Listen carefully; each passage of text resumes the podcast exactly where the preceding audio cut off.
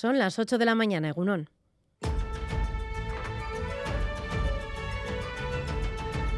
Crónica de Euskadi con Irache Martínez.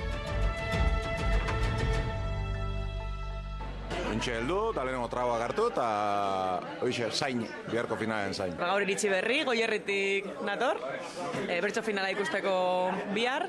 Eta igartzen da giroan bai, e, nabarmen, bi harremen bada olazte bai berezia. Pozgarriz eta ikustea, bueno, hau e, giro hau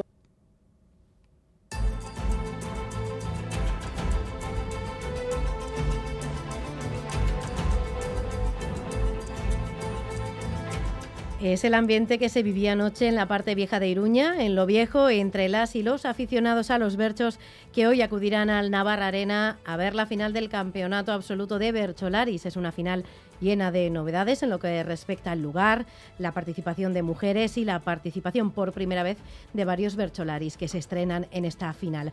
La final comienza a las 11 de la mañana y recuerden que podrán seguirla en directo también por ETV y eitv.eus.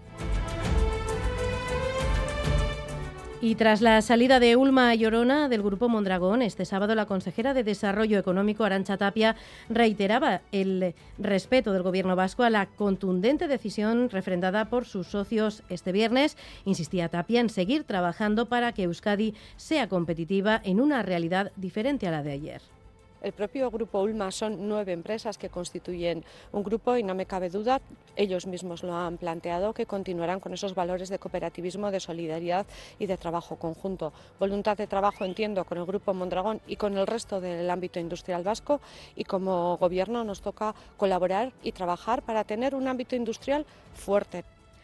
Sin duda ha sido la noticia más destacada del ámbito laboral, por la que también preguntaremos al presidente del Consejo de Relaciones Laborales, Tomás Arrieta, a partir de las ocho y media de la mañana aquí en Radio Euskadi.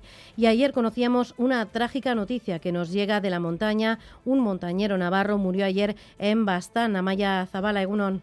Egunon, así es, el tudelano Rolando Baigorri, de 70 años, falleció ayer por la mañana al precipitarse de un risco en la cresta Chuchurru, en Baztán. Baigorri formaba parte de un grupo de 10 montañeros que con completaba este recorrido. Poco después de emprender el descenso, el resto del grupo se percató de que faltaba uno de sus miembros, se pusieron en contacto con SOS Navarra solicitando ayuda y se puso en marcha un dispositivo de búsqueda. Al sobrevolar la zona, los helicópteros detectaron la presencia de un cuerpo enriscado en unas peñas en el lado francés de la Muga, por lo que fue finalmente el grupo de rescate francés el que rescató el cuerpo.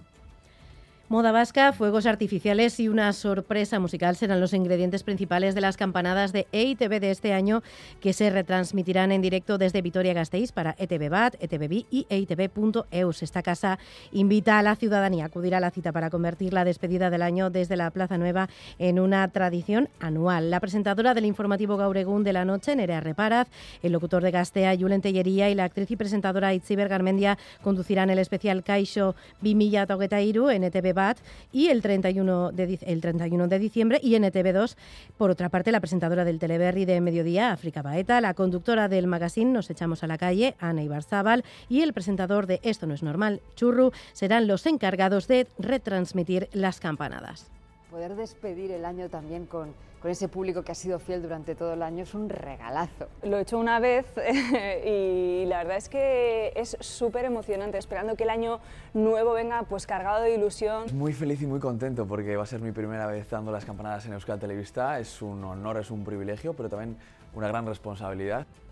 Y vamos con un adelanto de la actualidad deportiva. John Zubieta, Egunon. Hola, Egunon. El Atleti puso broche de oro a su particular mini pretemporada con un triunfo por 0-1 ante el Udinese, gracias al tanto de Iñaki Williams en el tramo final.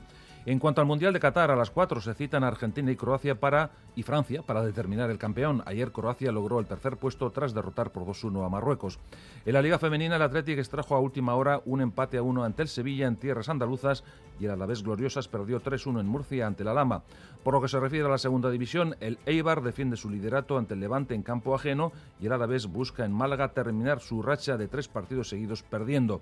En pelota, Peña y Marizcurrena derrotaron por 22-12 a Ezcurde y Martija en el Frontón Labrit dentro del campeonato de mano parejas y asimismo el Bilbao Basket obtuvo un triunfo en Manresa por 76-86 y en rugby el Ordicia ganó por 20-23 al Guernica.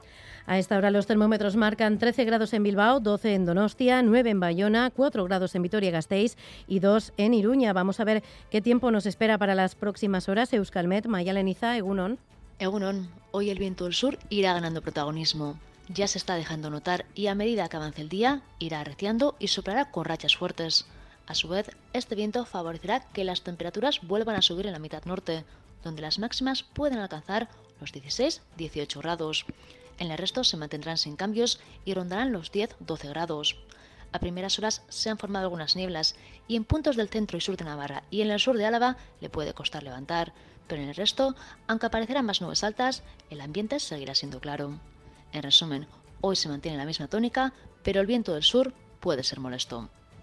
En carreteras sin incidencias a esta hora, según el Departamento de Seguridad. En el control técnico, Jorge Ibáñez, Jesús Malo y Asier Aparicio. Son las 8 y 6 minutos de la mañana. Comenzamos. Crónica de Euskadi con Irache Martínez.